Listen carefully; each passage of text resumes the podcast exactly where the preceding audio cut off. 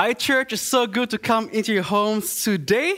Halo jemaat, sangat senang bisa bertemu Anda di rumah Anda hari ini. I'm really excited Saya sangat semangat and I really miss you. dan saya benar-benar kangen sama Anda semua. It's been three months already. Udah tiga bulan, So I can't wait to talk to you face to face and hug you. jadi saya nggak sabar untuk bisa ketemu Anda secara personal dan juga peluk Anda.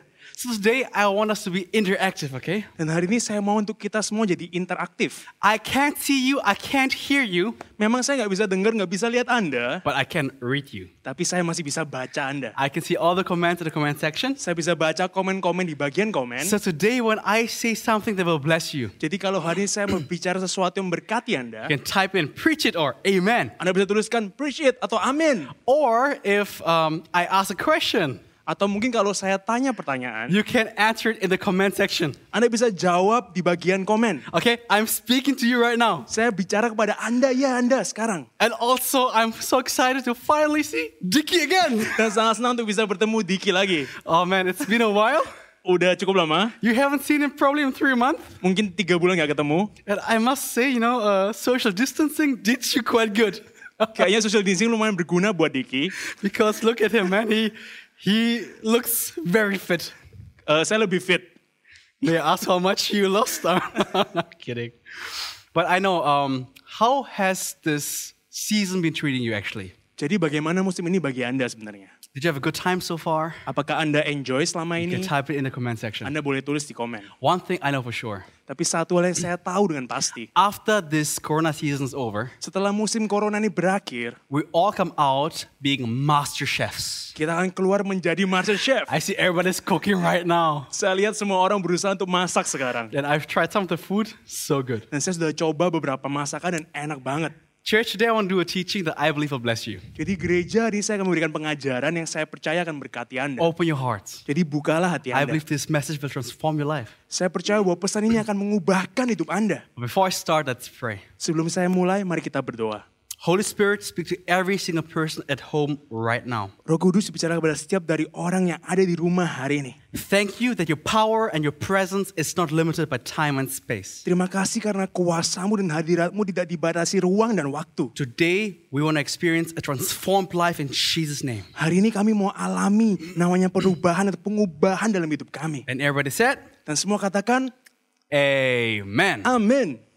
The most asked question in Christianity Mungkin pertanyaan yang paling banyak ditanya dalam kekristenan What's God's will for my life? adalah apa kehendak Tuhan bagi hidup saya? What's God's purpose in this situation that I'm facing? Apa tujuan hidup yang diberikan Tuhan di momen ini, di masalah yang saya hadapi ini? You see, everybody is looking for a sign. Anda tahu bahwa semua orang mencari namanya tanda. Have you ever been in life where you just needed direction? Pernahkah Anda dalam hidup Anda merasa bahwa Anda perlu adanya arahan? God, if you really care about me, Tuhan, kalau engkau benar-benar peduli pada if saya, you're really speaking to me, kalau benar-benar bicara kepada saya, if you're really calling me to open this business or take this step, kalau kau benar-benar memanggil saya untuk bisa ambil sebuah langkah atau buka sebuah bisnis, please show me a sign. tolong berikan saya tanda. Speak to me, God. Bicara kepada saya Tuhan. And I can say from my own life, there have been many times where I wanted a sign from God. Dan saya bisa bilang bahwa dalam hidup saya sendiri banyak sekali eh, kejadian di mana saya juga ingin adanya tanda.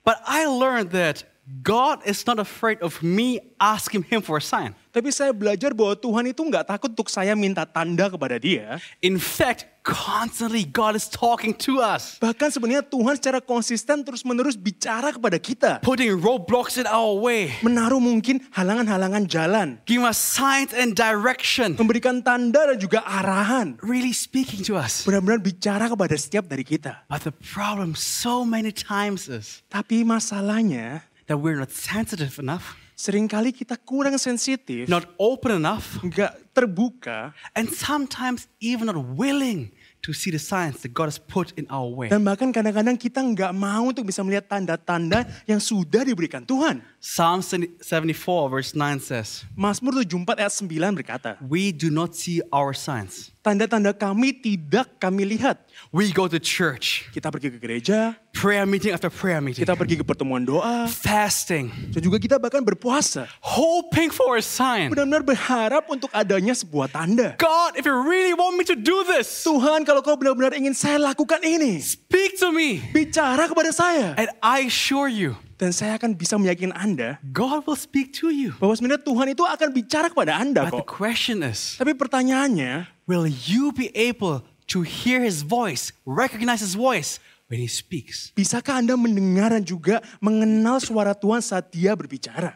I want you to look at all these icons right on the screen. Saya mau Anda bisa lihat icon-icon di eh, layar Anda sekarang. I doubt there's anybody watching right now Saya ragu ada orang yang nonton sekarang who does not at least have one of these apps. yang mungkin bahkan tidak mengenal satu pun aplikasi ini. Guys, just type in the comment section which is your favorite app. Anda what bisa you use tulis most of the time. Anda bisa tulis di bagian komen eh, aplikasi apa yang paling sering Anda pakai. Instagram, Mungkin Instagram, WhatsApp, WhatsApp, Zoom, Zoom, or maybe Tinder. atau mungkin Tinder. Hayo. you know, some people are so desperate and so devastated. Anda tahu berapa orang mungkin terlalu eh, desperate itu apa ya? Seperti kayak eh, Putus asa. putus asa. You know, some some guys they had a tough time finding a girlfriend pre-corona time. Beberapa pria mungkin kesusahan banget tuh cari pacar di masa sebelum corona. But now you're stuck at home. Tapi sekarang kan kamu tertinggal di rumah sendirian. You can't go out. Gak bisa keluar. And if you go out, everybody's using a masker. Dan kalau kamu keluar, semua orang pakai masker. So you're like, no.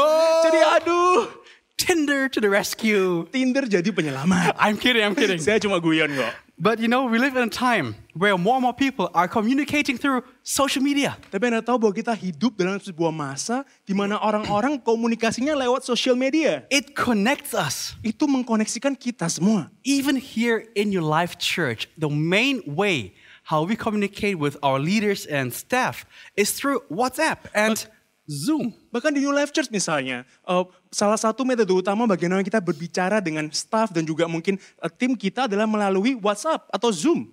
And it's really convenient. Dan sangat mudah dipakai. So daily, I need to log into my various accounts. Jadi setiap hari saya akan masuk ke dalam akun-akun saya, My WhatsApp, mungkin WhatsApp saya, my email, email saya, and I need to check my dan saya akan cek.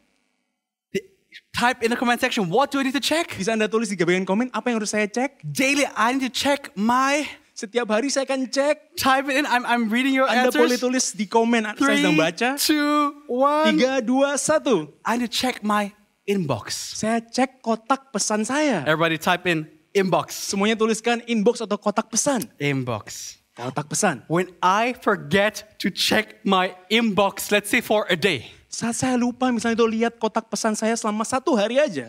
I will get a notification on my phone that probably looks like this. Saya akan dapat pemberitahuan di HP saya mungkin tampaknya seperti inilah kira-kira. And trust me, with our full timers, Dan percaya saya dengan full timer yang kita punya di gereja, this is very accurate. ini benar-benar akurat. You know, like hundreds, sometimes even almost almost a thousand of messages. Mungkin ratusan atau bahkan kadang-kadang ribuan pesan. Somebody from our team even made a meme using Festa.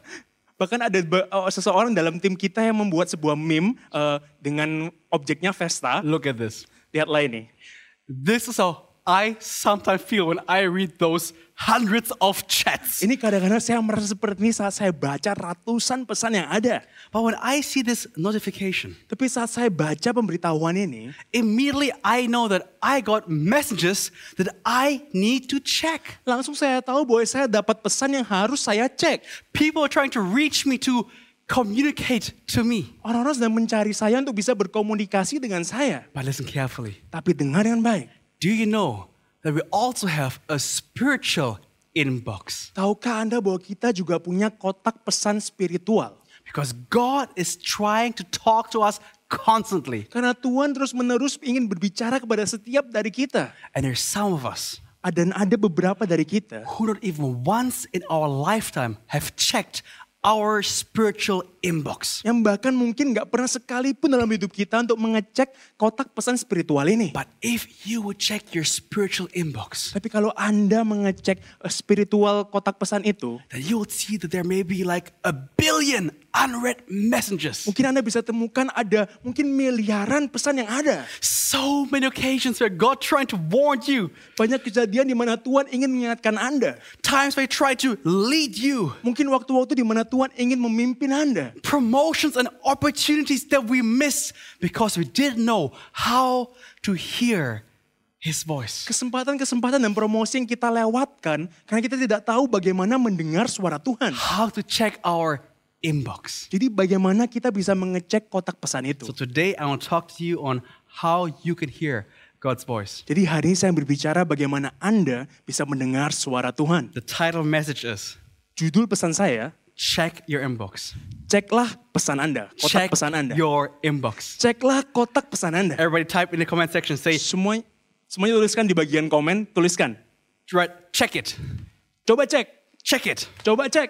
Because God is a communicator. Karena Tuhan adalah seorang komunikator. It's very clear in Sang- scripture. Sangat jelas dijelaskan dalam Alkitab. In fact, in the first few verses in the Bible, God introduces himself Bahkan di beberapa ayat awal dalam Alkitab, Tuhan memperkenalkan dirinya. by saying, In the beginning, God said. Dengan bicara, pada mulanya Tuhan berbicara. You find this phrase all throughout the Bible. Saya temu, Anda bisa temukan kata-kata ini lagi dan lagi. And God said, and God said. Tuhan berbicara dan Tuhan berbicara lagi. God speaks. Tuhan berbicara. We were created to have a relationship with God.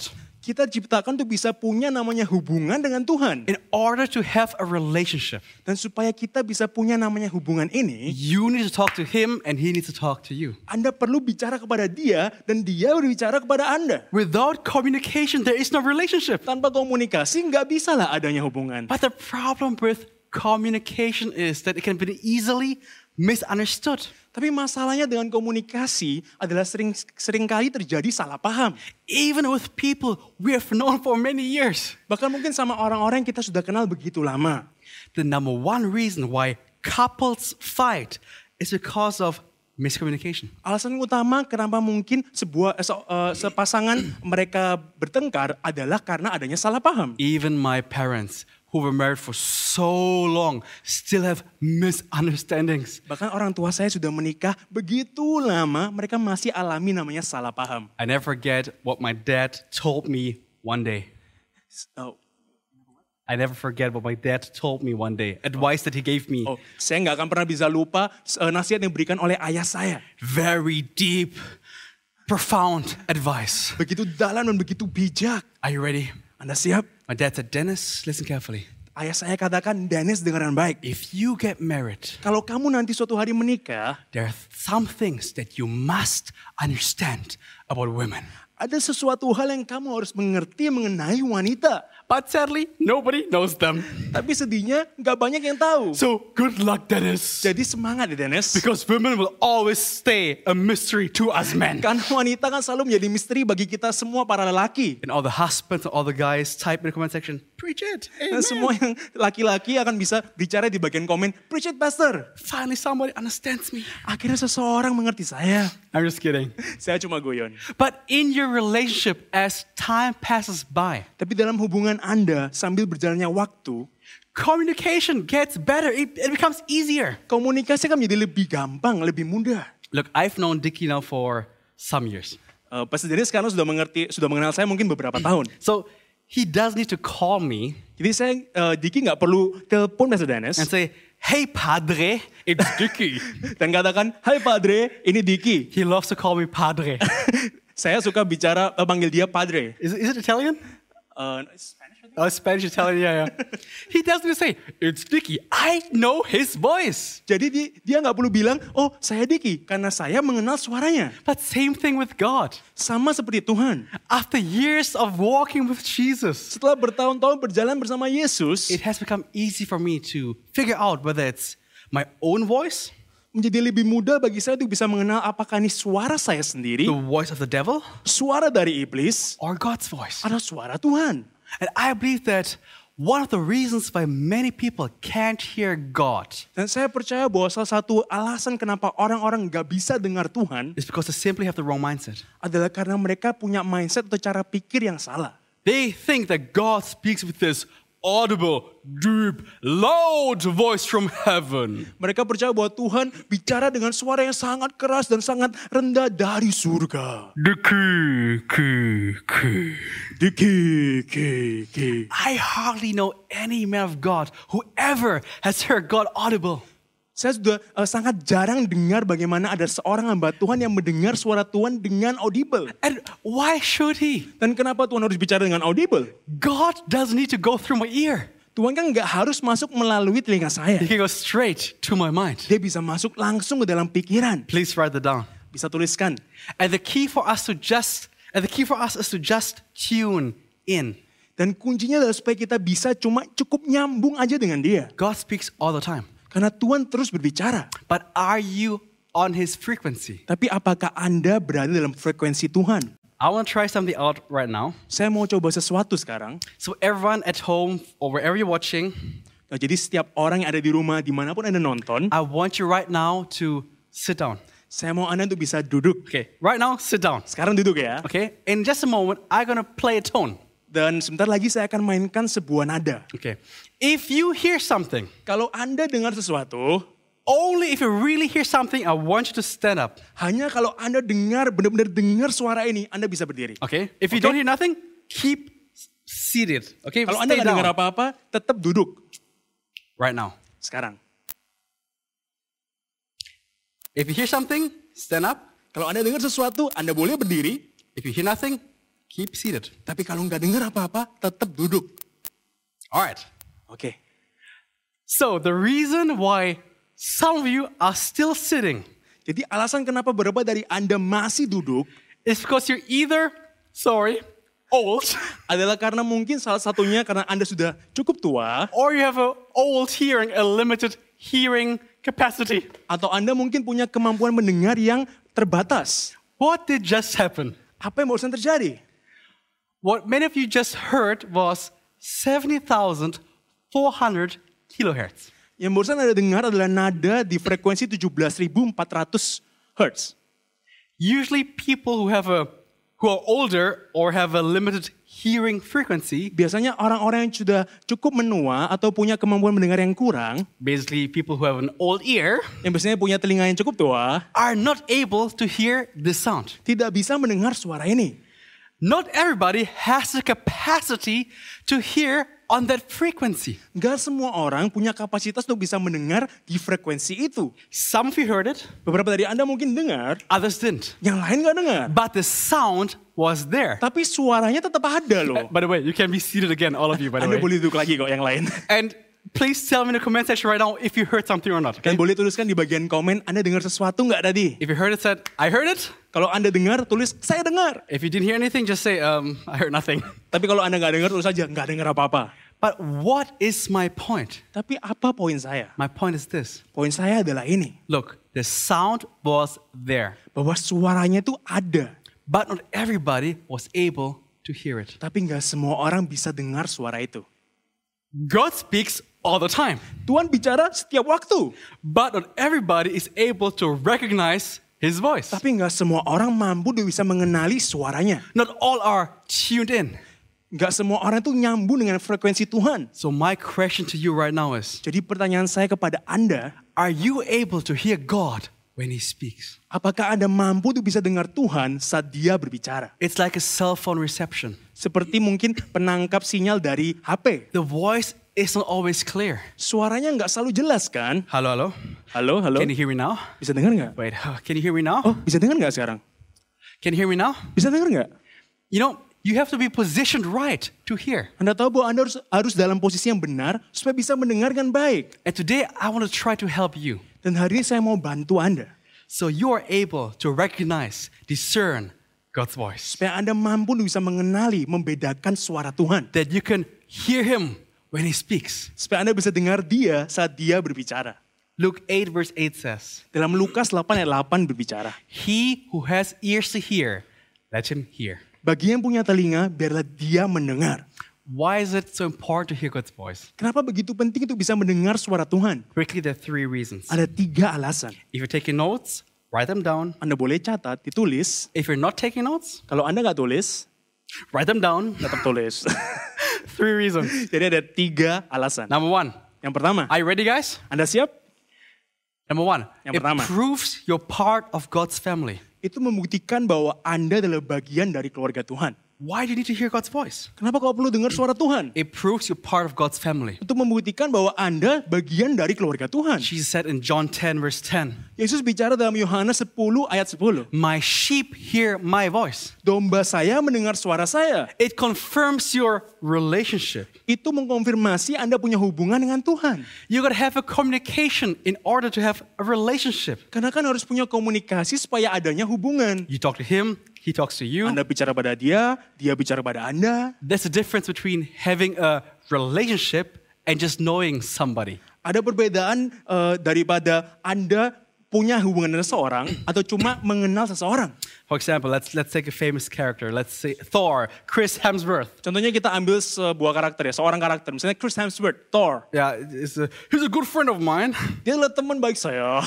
Bec- you know, because we have the same body. Anda tahu bahwa saya karena saya punya tubuh yang mirip kayak dia. Yeah, sangat mirip. Okay, Sangat mirip. so I write him all the time. Jadi saya eh, terus eh, ngobrol sama dia. Um, does he write back? Apakah dia balik eh, kirim pesan ke kamu? No. Enggak. But I call him all the time. Tapi saya sering telepon dia loh. Does he call you back? Dia telepon balik kamu nggak? Does he even answer? Dia bahkan jawab nggak? Uh, no. Enggak.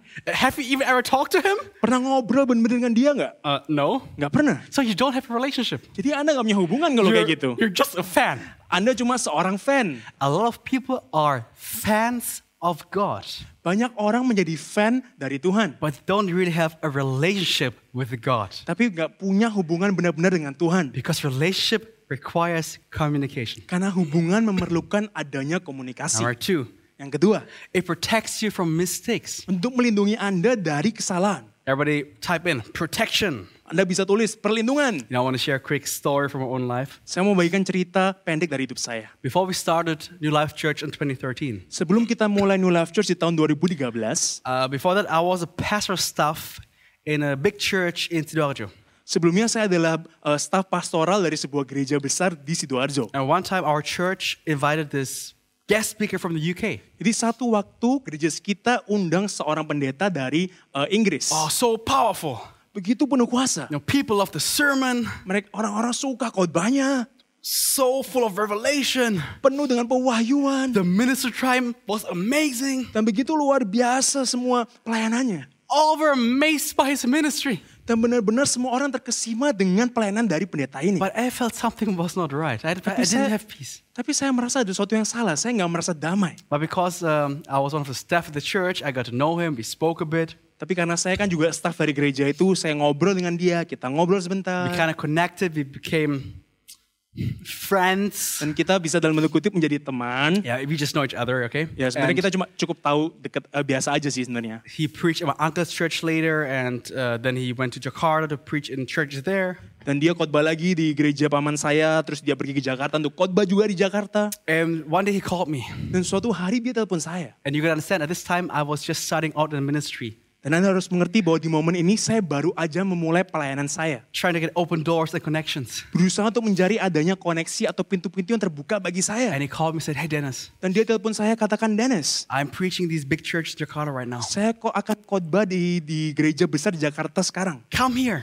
Datang ke sini to yuk. Jakarta. Ke Jakarta. I'll connect you. Saya akan nanti hubungan kamu dengan orang-orang di sana. I, I'm trying to open doors for you. Saya berusaha untuk bisa bukakan pintu-pintu buat kamu, Dennis. And, and while he was talking to me on the phone, Dan saat dia ngobrol kepada saya le- lewat telepon, it's like I saw this movie, this, this image, this film in front of me. itu seperti seolah-olah saya membayangkan semua gambaran itu kayak film di depan saya. And I give you the censored version right now, okay? I give you the censored version. Oh, dan saya berikan sekarang versi sensornya udah But sebenarnya. I basically saw him uh, sexually harassing me in, in, in this thing that I saw. Tapi okay? saya dapat sebuah penglihatan bahwa eh, seperti film tadi bahwa dia sedang secara seksual sedang eh, mel- mel- apa ya menyerang saya, Melecehkan saya. melecehkan saya, You know, di dalam eh, tadi penglihatan saya itu trying to do this uh, gay stuff, you know, like. berusaha untuk melakukan hal-hal yang gay itu. So while he's talking, Jadi saat dia bicara, I'm like. I'm oh, oh my, oh, okay, okay. seperti what?" kayak mual, mau muntah. No, I was so, so disgusted. Saya benar-benar jijik And I'm soalnya. like, uh, um, Thank you, Pastor, but I'm really busy. Thank you. And Dan saya katakan, terima kasih pastor, tapi saya begitu sibuk. Aduh, makasih ya, And I, bye. I kept distance from the guy, Dan saya menjaga jarak dengan orang itu. but I had no proof. I just had this, this, this image, this movie I saw. Tapi saya kan nggak punya bukti. Voice. Saya cuma punya seperti gambaran film di pikiran saya, di depan mata saya. Like this, God, God warning me, okay? Seperti seolah-olah kayak Tuhan memperingatkan saya. few months later, a pastor, big pastor, comes to me and says, Dennis, you can't believe this. Dan beberapa bulan setelah itu ada seorang pendeta besar datang pada saya dan katakan, Dennis kamu gak mungkin percaya. Remember this big pastor from the UK? Ingat nggak pendeta besar tadi yang dari Inggris? He's right now blacklisted in our denomination Sekarang dia di blacklist, dilarang untuk bisa ada di denominasi kita. because he got caught sexually abusing some other guys. Karena dia uh, kete- dia didapati bahwa dia melecehkan seseorang, When laki-laki. when I heard that, Saat saya dengar itu, I'm like, thank you, Jesus. Wow. saya katakan terima kasih Yesus. I could have been one of his victims. Bisa aja saja di salah satu korban dia. Aduh, gimana nih? I'm kidding. No, but it's God's protection. Tapi itulah perlindungan dari Tuhan. So it, uh, it shows you're part of his family. Jadi yang pertama tadi menunjukkan bahwa Anda bagian dari keluarga Tuhan. you from danger. Yang kedua melindungi Anda dari eh, bahaya. And number three, Dan yang ketiga it's the key to success. adalah kunci untuk kesuksesan.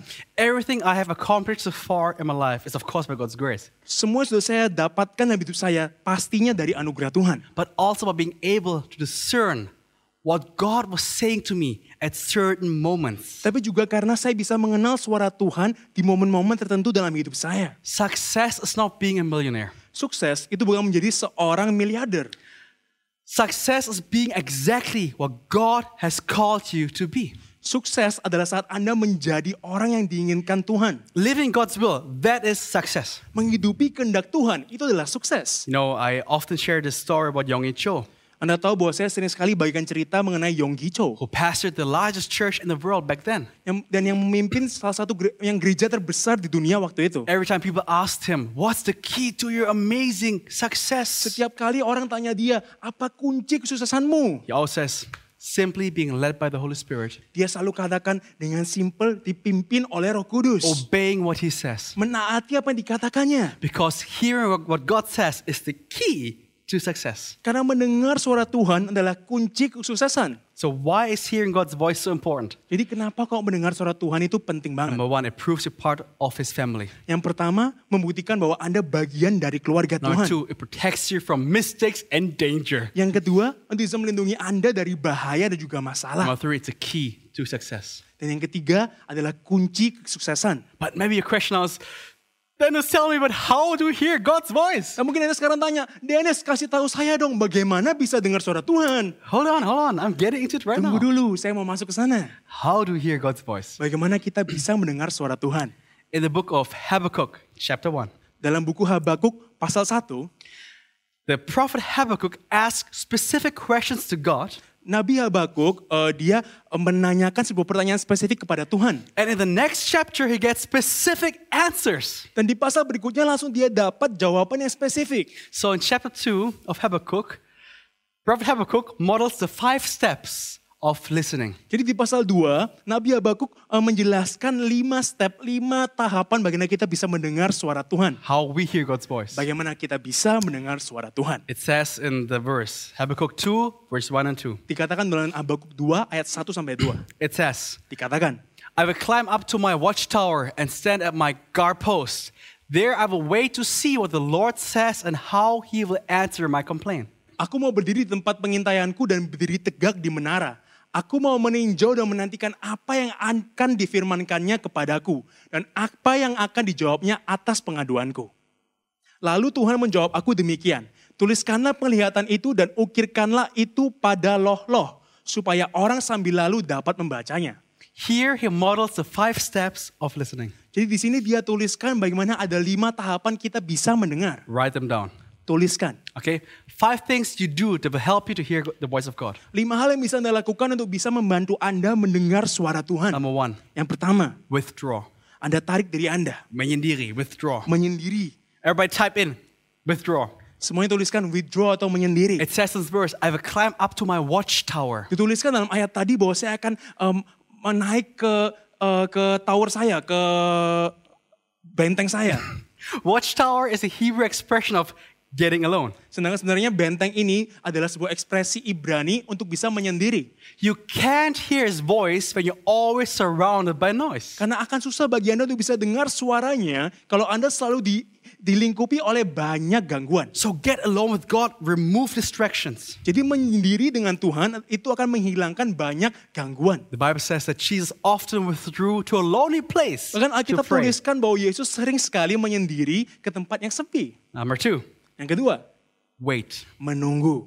wait. Menunggu. It says in the verse, there I will wait. Dituliskan di ayat tadi bahwa di sana saya akan menunggu. And while waiting, calm your body, your thoughts, your emotions. Dan saat Anda menunggu, berusaha untuk bisa tenangkan tubuh Anda, pikiran Anda, emosi Anda. Be still, Dan tetaplah Anda di sana Like- dengan tenang. like David said in Psalms 46. Seperti yang dikatakan Daud dalam Mazmur 46. Be still and know that I am God. Tenanglah dan tahu bahwa saya adalah Tuhan. You must take time to listen. Anda harus ambil waktu untuk bisa benar-benar mendengar.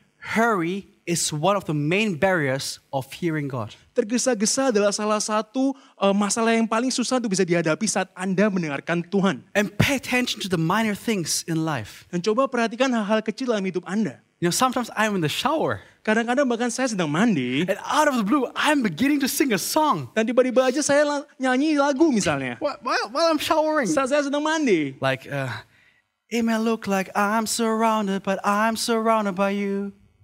It may look like I'm surrounded, but I'm surrounded by you. This is how I fight my battles. And I'm just singing the song. Dan saya cuma nyanyikan aja lagu itu.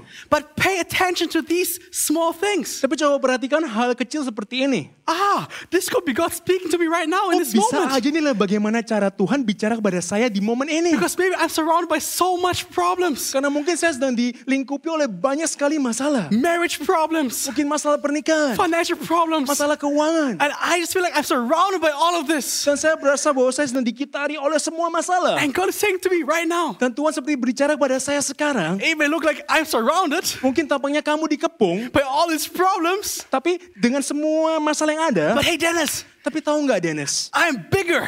Saya lebih besar. I've got you surrounded, Saya, su- saya sudah mengepung kamu. and I've got your problems surrounded. Dan saya bahkan sudah mengepung masalah-masalahmu. This is how I fight my battles. Ini God is bagaimana greater. saya memerangi peperanganmu. Tuhan adalah yang memeranginya. So if you slow down, then you hear God. Jadi kalau Anda ambil waktu dan berusaha mendengar Tuhan, A famous pastor one time said, salah satu pendeta terkenal yang pernah bicara, inner calm brings the intercom to God. ketenangan dalam diri itu membawa jalur intercom kepada Tuhan. Very good. It's the channel. Sebuah jalur intercom langsung pada Tuhan. Point number three Poin yang ketiga, read the word of God. bicaralah, ba- bacalah firman Tuhan. It says in this verse, I will look to see what the Lord will say. Dikatakan dalam ayat ini, saya akan memandang dan melihat apa yang Tuhan bicarakan. Notice it says, look. Eh, perhatikan bahwa ditulis, lihatlah. It doesn't say, listen what God says. Enggak dikatakan dengarlah apa yang dibicarakan Tuhan, Look what God says. tapi dikatakan baca atau lihatlah apa yang dikatakan Tuhan. Because God's will is found in God's word. Karena kehendak Tuhan bisa ditemukan dalam firman-Nya. If you can't hear God, read God, and sooner or later you will hear God. Kalau Anda nggak bisa dengar Tuhan, cobalah baca Tuhan. Dan cepat atau lambat Anda bisa dengar Tuhan. God also speaks through the Bible. It's His word. Karena Tuhan kan juga bicara melalui Alkitab, yaitu kata-katanya sendiri. Stop waiting for voice and start looking for verse. Jadi berhentilah untuk bisa berusaha mendengar suara, tapi mulailah untuk membaca sebuah firman. Wow, this quote alone was worth it for you to just stream him today. Bahkan To watch quote- the sermon. satu quote ini aja sudah cukup bagi Anda untuk bisa nonton hari ini udah cukup, udah worth it banget. If this is the only thing I would say today, Kalau ini adalah satu-satunya hal yang harus saya bicarakan hari ini, that's more than enough. itu udah lebih dari cukup. You can shut down the computer, your TV. Anda boleh done. mematikan TV Anda, komputer Anda. I'm kidding. Enggak, saya cuma goyang. But stop waiting for a voice and start looking for a verse. Tapi berhentilah mendeng- berusaha mendengar suara dan mulailah membaca firmannya. And I want the piano come on stage right now. And number four, Dan saya mau supaya pemain piano mulai naik. Dan yang keempat, write it down. tuliskanlah.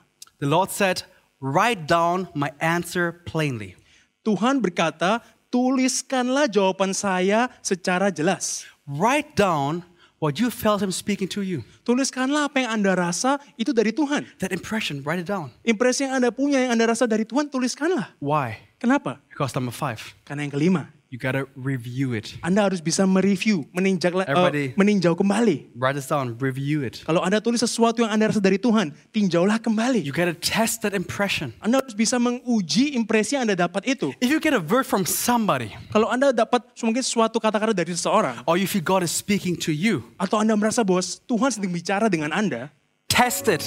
ujilah itu. Test it. Ujilah. Everyone type in the comment section. Test it. Semua tuliskan dalam bagian komen, ujilah. How do you test an impression? Bagaimana, bagaimana kita bisa menguji namanya impresi? How do you know if this idea is really from God or not your own voice or maybe even the devil? Bagaimana caranya bisa tahu bahwa oh suara ini dari Tuhan atau dari saya sendiri atau dari iblis bahkan? There are five ways how you can test an impression Ada lima cara bagaimana Anda bisa menguji namanya that impresi. I've mentioned countless times over the years. Yang mungkin sepanjang tahun ini sudah sering saya bicarakan. So I won't mention them again. Jadi saya nggak akan sebutkan terus menerus. My time's up anyway. Karena waktu saya udah habis sebenarnya. But I will upload a short video on my IG story today Tapi saya akan upload video pendek di IG story saya hari ini. where I explain these five filters, these five tests Di mana saya minute. menjelaskan lima eh, cara kita menguji suara Tuhan. So do check them out today. Jadi hari ini nanti coba cek di IG story ya. But as I close,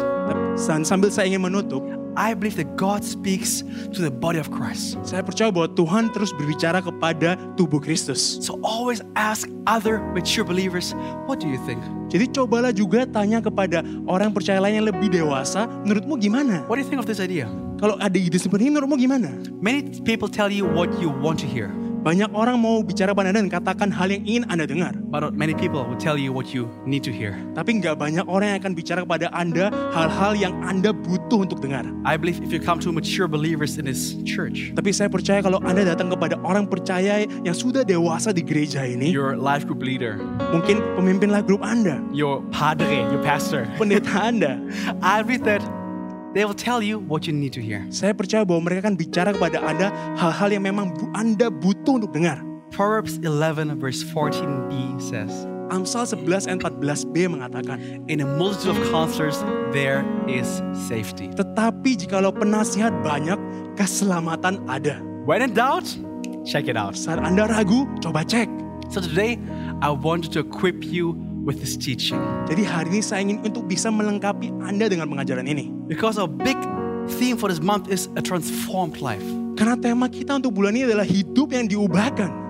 And what transforms our life more effectively Dan apalagi yang bisa mengubahkan hidup kita lebih efektif than getting deeper into His Word, daripada di mana kita bisa masuk lebih dalam dalam firman Tuhan. hearing and listening what He says. Mendengar dan berusaha untuk bisa membaca apa yang dia katakan. So this whole week, take time to review this message. Jadi sepanjang minggu ini cobalah untuk bisa meninjau kembali pesan ini. Apply the points I just gave you in your life. It will be life changing. Dan coba aplikasikan poin-poin yang saya sampaikan di khotbah ini. Pasti akan mengubahkan hidup Anda. And everything I've taught you today will become natural as you spend more time with God. Dan sebenarnya semua yang saya ajarkan hari ini akan terasa lebih natural saat Anda habiskan waktu lebih banyak dengan Tuhan. You know what's funny? Anda tahu apa yang lucu? Everyone wants to spend eternity with God, Semua orang ingin menghabiskan kekekalan dengan Tuhan. but so few want to spend time with Him right now. Tapi sangat sedikit yang mau habiskan waktu dengan Tuhan di waktu ini. Sekarang ini di dunia. Always remember, Tapi selalu ingat, you can't hear God, read God. saat Anda nggak bisa dengar Tuhan, bacalah Tuhan. And eventually, you will hear God. Dan cepat atau lambat Anda bisa mendengar Tuhan. There's so many times where God tried to speak to you, Banyak sekali waktu di mana Tuhan berusaha bicara kepada Anda. warn you, Untuk bisa mengingatkan Anda. help you, and lead you, Membantu Anda, memimpin Anda. but you didn't hear His voice. Tapi Anda nggak bisa dengar dia. Don't let another promotion or opportunity or warning slip by. Jangan sampai Anda kehilangan promosi yang lain, kesempatan yang lain, atau mungkin teguran yang lain.